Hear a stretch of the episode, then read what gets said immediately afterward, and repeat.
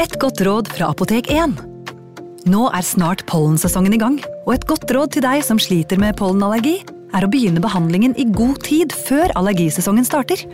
Da får du nemlig enda bedre effekt av legemidlene, og så blir ikke våren din helt ødelagt. Kom innom og få råd på ditt nærmeste Apotek 1, eller chat med oss på apotek1.no. Apotek 1 vår kunnskap, din trygghet.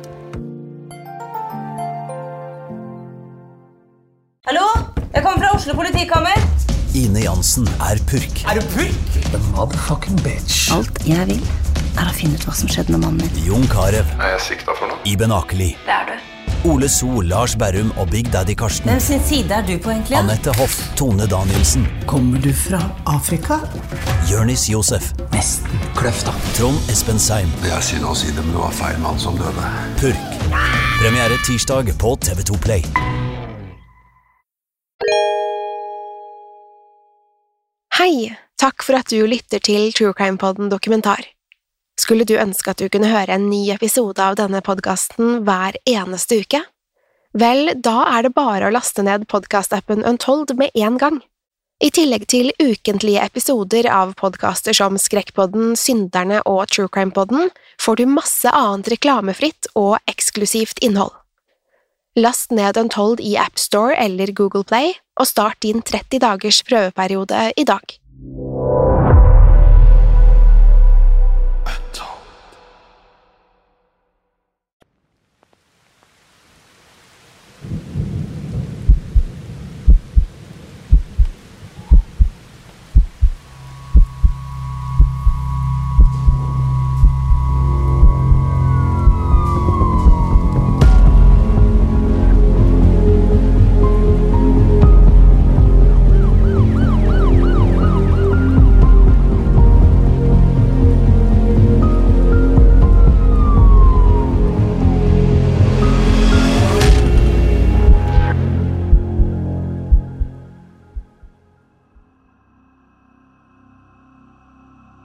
Hjemme hos familien Oswald hadde det allerede vært en urolig dag.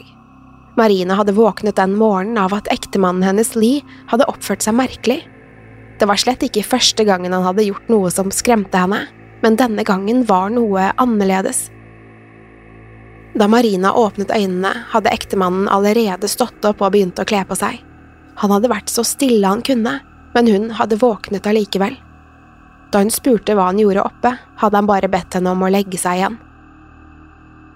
Han sa han skulle ut for å handle sko til seg selv og datteren deres, og at hun ikke trengte å stå opp. Så hadde han plassert noe på nattbordet og forsvunnet ut døren. Da han hadde gått, snudde Marina seg i sengen og fikk øye på ektemannens giftering samt 170 dollar i sedler på nattbordet. Hun kunne ikke riktig skjønne hva dette skulle bety.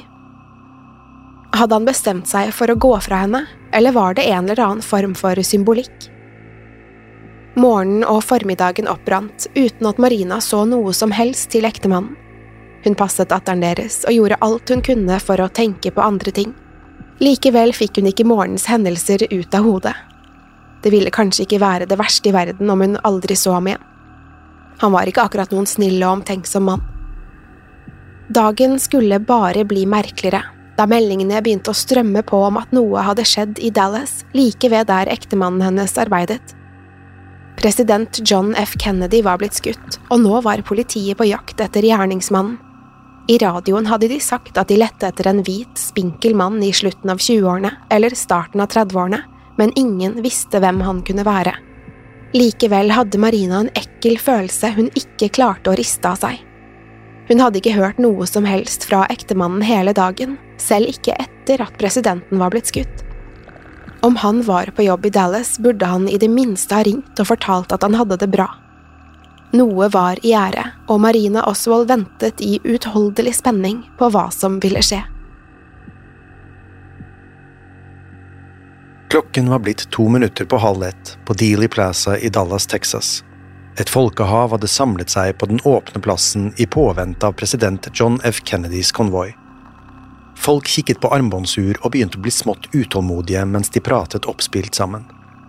Snart måtte jo presidenten være der med følget sitt. En av de som virket mest utålmodig, var Arnold Roland. en 18 år gammel nygift student som ventet på presidentfølge med sin unge kone. Han kjente til klokken sin på håndleddet, men innså snart at han måtte ha glemt den igjen på nattbordet den morgenen. Dermed flyttet han blikket opp på den digre reklameklokken på toppen av Texas School Book Depository på den andre siden av veien. Det store bygget lå på hjørnet av Elm Street, så alle på Dealey Plaza enkelt kunne følge med på tiden. Det var da Roland la merke til noe i vinduet i sjette etasje på bygningen. Roland myste mot vinduet og forsto straks hva det var han så på. En ung mann satt lent over vinduskarmen med en rifle mot kinnet. Roland smilte litt for seg selv før han dultet lett borti konen sin. Hun kikket opp på ham, og han spurte om hun ville se en ekte spesialagent. Konen spurte hvor Roland så agenten, og han pekte opp mot vinduet i sjette etasje. Men nå var den unge mannen borte. Konen spurte spent nok en gang hvor agenten var, men Roland kunne ikke se ham lenger. Dermed regnet han med at mannen hadde flyttet på seg. Skuffet trakk Roland på skuldrene før det unge ekteparet igjen flyttet fokuset tilbake på veien foran dem. Det hadde vært akkurat i tide.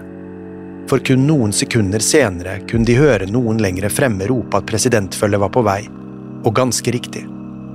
Der svingte den første bilen i presidentens konvoi inn mellom tilskuerne.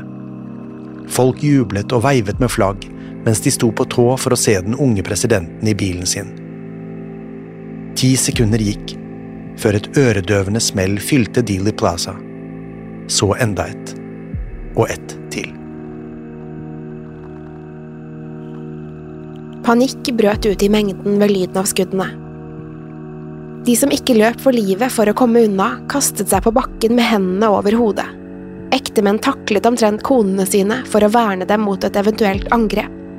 Kun noen ytterst få ble stående og stirre opp mot Texas School Book Depository, hvor skuddene var blitt løsnet fra. I kaoset som fulgte, var det bare et fåtall som hadde fått med seg utfallet av skytingen. I presidentens limousin lå Kennedy skadeskutt i armene på sin kone Jackie. Det samme gjorde guvernør John Connolly, som hadde sittet i setet foran presidenten. Connolly var blitt truffet i ryggen og låret. Han var stygt skadet, men skulle overleve attentatforsøket. President Kennedy derimot skulle ikke være like heldig. I det som skulle bli et grusomt syn for alle passasjerene i limousinen, var presidenten først blitt skutt i øvre del av ryggen. Kulen skulle gå rett gjennom ham og komme ut gjennom halsen. Da det første skuddet falt, hadde Kennedy skjært grimaser i smerte og knyttet nevene foran ansiktet. Det skulle likevel bare bli begynnelsen på grusomhetene. Kun sekunder senere hadde et nytt skudd truffet den unge presidenten i bakhodet. Kulen hadde smadret den høyre siden av Kennedys skalle og sendt blod farende i alle retninger. Jackie skrek i panikk og forferdelse mens hun ropte at hun hadde ektemannens hjernemasse i hendene. Føreren av limousinen hadde på instinkt satt opp farten, mens Jackie skrekkslagen begynte å klatre over på bakenden av bilen. Omtrent samtidig kastet en av presidentens spesialagenter seg inn i baksetet for å verne John og Jackie. Idet limousinen spant ut av Dealey Plaza, fikk agenten dratt Jackie tilbake i setet, og med ett var de borte. En av politikonstablene som hadde fulgt etter presidenten på motorsykkel, hadde fått med seg hvor skuddene var blitt løsnet fra. Derfor kastet han seg av sykkelen og satte av sted mot Texas Schoolbook Depository gjennom mengder av panikkslagne tilskuere. Ved inngangen til bygningen møtte han en annen mann, Roy Truly, som fortalte at han var sjef på skoleboklageret. Sammen fortet de seg inn i bygget og begynte å løpe oppover trappene. Den første de møtte på, var en ung mann med en brusflaske i hånden i andre etasje. Med ett hadde politimannen trukket pistolen og holdt den opp mot mannen. Han spurte om Truly kjente ham, og Truly kunne bekrefte at den unge mannen ikke var noen fare. Dermed fortsatte de oppover trappene. De hadde ingen anelse om at de nettopp hadde truffet på ingen andre enn skytteren selv, Lee Harvey Oswald. Mens Truly og politibetjentene forsvant oppover trappene, gikk Oswald rolig nedover etasjene og mot utgangen. Utenfor kunne han høre hvordan kaoset fremdeles hersket. Han hadde gjort det. Han hadde løsnet skuddene, og nå var det ingen vei tilbake. Hva som måtte skje videre, kunne ingen vite. Akkurat idet Oswald kom til døråpningen, ble han møtt av en andpusten, dresskledd mann som påsto han var spesialagent. Mannen spurte Oswald hvor nærmeste telefon var, og Oswald pekte innover i lokalet. Så hastet mannen videre. Hadde det virkelig vært en spesialagent, hadde Oswald trolig blitt stanset allerede der, men det var det ikke. Det var nemlig en journalist som hadde bestemt seg for å snike seg inn i bygningen for å få første rapport fra morderens reir. Dermed kunne Oswald fritt forsvinne i mengden, uten at noen stilte noen spørsmål. Derfra hadde Oswald satt seg på en buss og stirret ut på kaoset han nettopp hadde skapt. Bussen ble dirigert ut av galskapen av en trafikk i Elm Street, og med det var Oswald forsvunnet. Etter kun fire kvartaler hadde han hoppet av uten å fortrekke en mine. Først nå ble det bestemt at Texas Schoolbook Depository skulle sperres av. Ingen fikk komme inn eller ut av bygningen uten å først ha blitt nøye undersøkt av politiet. Innen den tid var det allerede for sent. Morderen var sluppet unna. Inne i bygget ble det lett høyt og lavt etter attentatmannen, mens de ansatte ble samlet og gjort rede for. Det var da de oppdaget at det var én arbeider som manglet. Lee Harvey Oswald var ikke å finne noe sted, til tross for at han var blitt sett kun noen minutter tidligere. Samtidig hadde Oswald funnet seg en taxi i nærheten av bussterminalen i Jackson Street. Han hoppet inn og ba sjåføren kjøre til hybelen sin i det rolige nabolaget Oak Cliff, hvor han ikke lenger kunne høre bråket fra sirenene. Oswald gikk bestemt til huset hvor han leide hybel, braste inn døren hvor hushjelpen allerede stirret fortvilet på TV-skjermen. Han kunne høre hvordan nyhetsoppleserne fortalte om skuddene på Dealey Plaza, men enset ikke den gamle hushjelpen da hun forsøkte å snakke til ham. I stedet gikk han rett inn på hybelen sin hvor han skiftet klær. Før han forsvant ut igjen, stakk han en revolver i bukselinningen og satte på dør. Fremdeles uten å se på hushjelpen. Imens begynte en beskrivelse av en antatt skytter å sirkulere blant politibetjenter i byen. Vitner som mente de hadde sett attentatmannen i vinduet på Texas School Book Depository, påsto at det var en hvit mann trolig i begynnelsen av 30-årene, med en spinkel legemsbygning. En av betjentene som fikk signalementet innover radioen, var JD Tippett, en 39 år gammel konstabel med 11 års erfaring fra politiet. Den ettermiddagen kjørte Tippit alene i patruljebilen sin i Oak Cliff. Da meldingen om den mistenkte skytteren kom inn, stilte han straks inn øyne og ører. Gatene var uvanlig stille den ettermiddagen, da folk flest allerede satt klistret til TV-skjermene sine etter det som hadde skjedd. Dermed var det nesten ingen å se i gatene i det rolige nabolaget. Mens han kjørte slik, fortsatte meldingene å tikke inn over radioen. Ifølge operasjonssentralen hadde politiet funnet riflen som var blitt brukt under skytingen, på en tom pakkesal i sjette etasje. Der var det også blitt funnet tre tomme patronhylser, Tippit rynket brynene. Om gjerningsmannen hadde lagt fra seg riflen, var han kanskje ikke så farlig lenger likevel. Minuttene gikk, og snart var det gått nærmere tre kvarter siden skytingen. Tippit fortsatte å speide langs fortauet, men alt virket rolig og fredelig. Det var helt til han fikk øye på en spinkel, ung mann som gikk med raske skritt nedover gaten. En hvilken som helst dag ville nok ikke mannen virket mistenkelig, men dette var ingen hvilken som helst dag. Derfor begynte Tippit å følge etter mannen i bilen sin.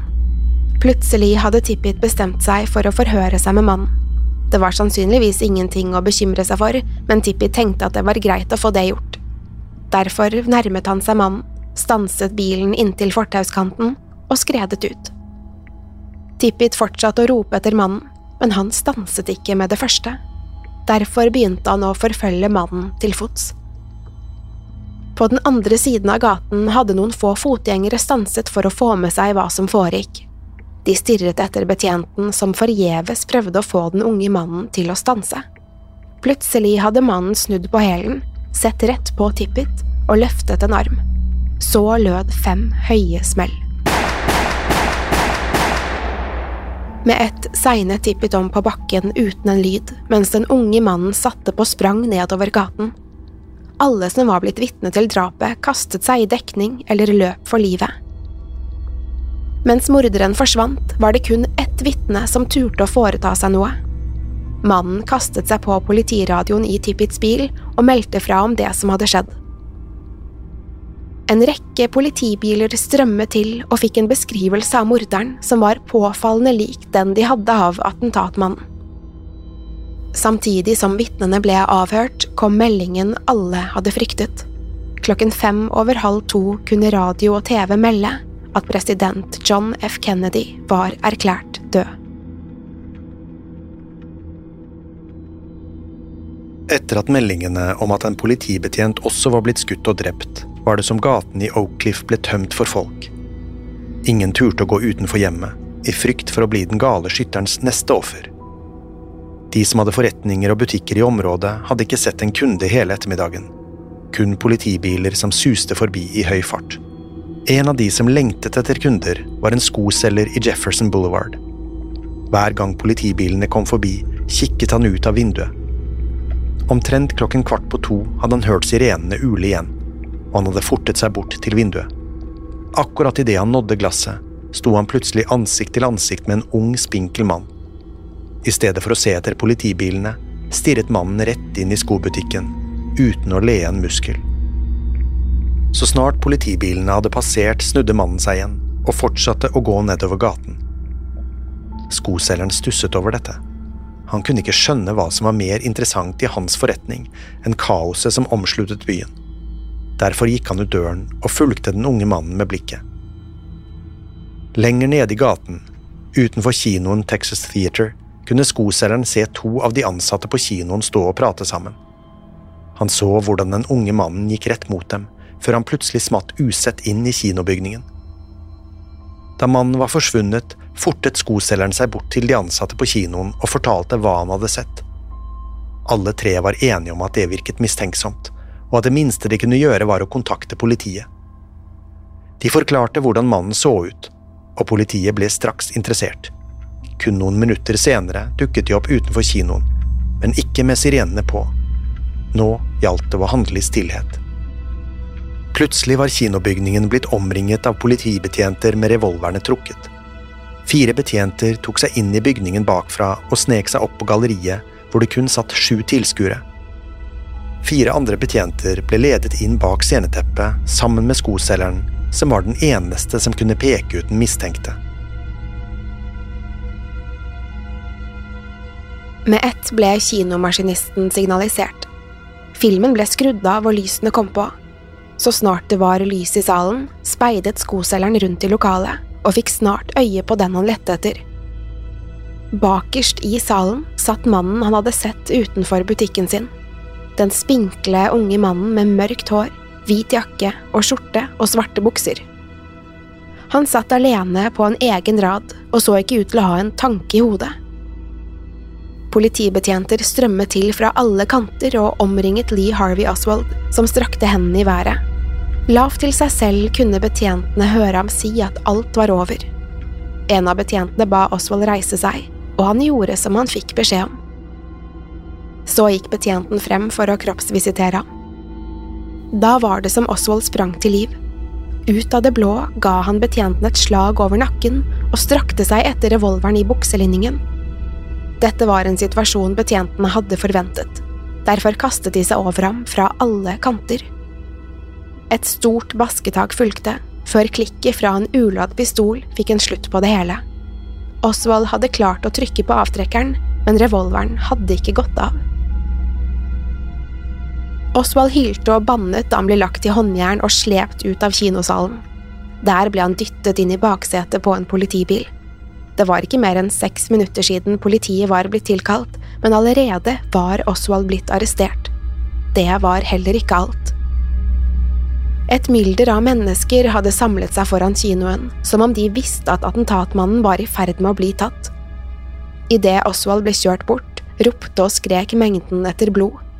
De ville se Oswald dø med det samme, både for drapet på president Kennedy og betjent Tippit. Skjellsord og drapstrusler ble slengt etter Oswald idet han forsvant nedover gaten i baksetet på politibilen.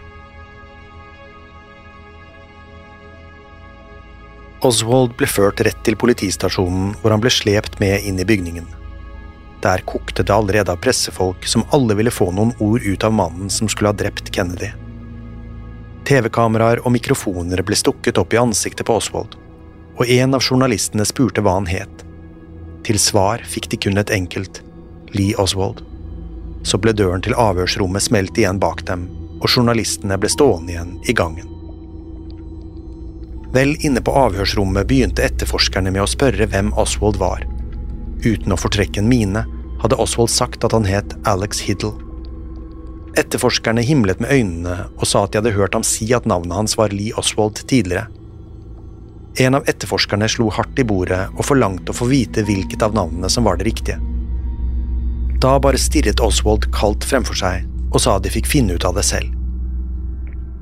Etterforskerne forsto straks at de ikke kom til å få stort ut av Oswald. Dermed gjorde de som han ba om, og fant ut av ting på egen hånd. I Oswalds lommebok fant de flere ting av interesse, deriblant en rekke dokumenter og ID-kort.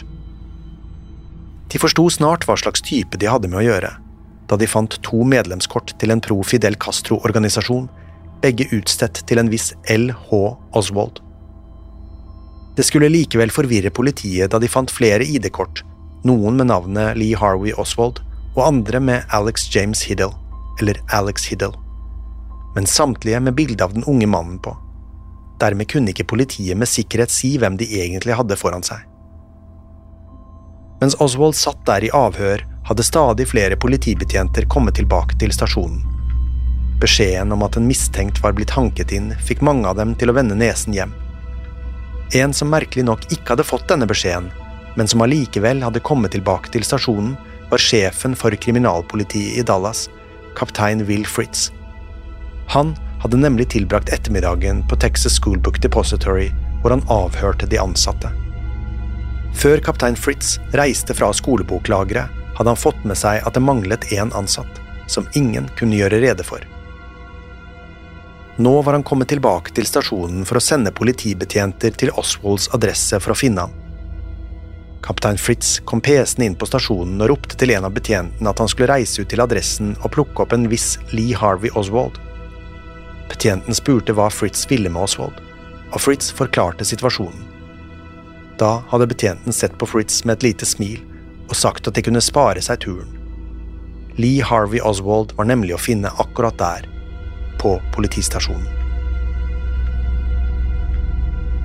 Snart kunne politiet med absolutt sikkerhet koble Oswalds revolver til drapet på politibetjenten JD Tippett. Dermed kom den offisielle siktelsen med det samme. Etter at kaptein Fritz hadde vært inne hos Oswald, tok det heller ikke lang tid før han ble siktet for drapet på president Kennedy også. Det var bare ett problem som fremdeles hang over etterforskerne. Oswald var siktet for å ha drept landets mektigste mann, så hvem var egentlig ansvarlig for saken? For å finne ut av det var de nødt til å lese seg opp på lovene. Det var da de fant noe som ingen hadde regnet med.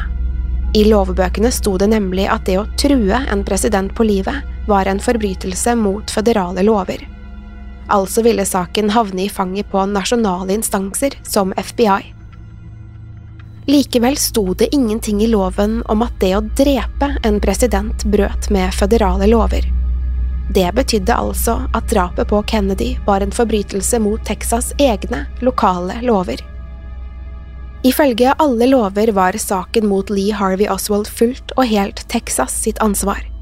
FBI, Secret Service og landets høyeste myndigheter hadde ingen rett til å tre inn i saken uten at staten Texas ga dem tillatelse til det.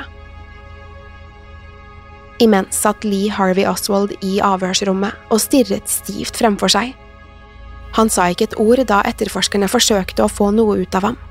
Leppene hans var forseglet, og med mindre han åpnet dem snart, ville ingen få vite hva motivet for drapet på president John F. Kennedy virkelig var.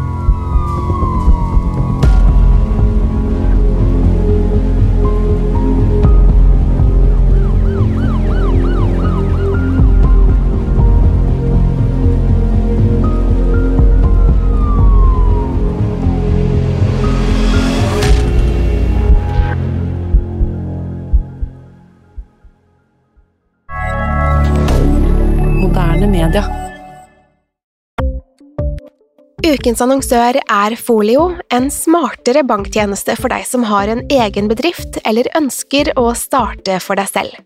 Folio er en superenkel nettbank for bedrifter.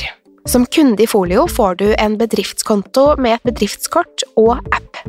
I denne appen er det smarte løsninger som forenkler regnskapet ditt, uansett om du har en liten bedrift eller et enkeltpersonsforetak.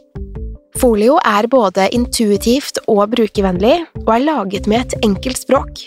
I tillegg tilbyr de forutsigbare priser og ingen skjulte gebyrer. Skulle du likevel trenge det, så kan du snakke med deres raske og hyggelige kundeservice, og der får du prate med en faktisk person og ikke en chatbot. Folio er med andre ord både enklere og koseligere enn banken. Over 10 000 bedrifter har allerede valgt Folio som sin banktjeneste, så besøk folio.no og se hvordan Folio kan forenkle din hverdag også. Har du et enkeltpersonforetak eller en liten bedrift? Da er du sikkert lei av å høre meg snakke om hvor enkelt det er med kvitteringer og bilag i fiken, så vi eh, gir oss her, vi. Fordi vi liker enkelt. Fiken superenkelt regnskap. Kiwi er billigst i VGs matbørs og har vært billigst i fire av de fem siste VGs matbørser.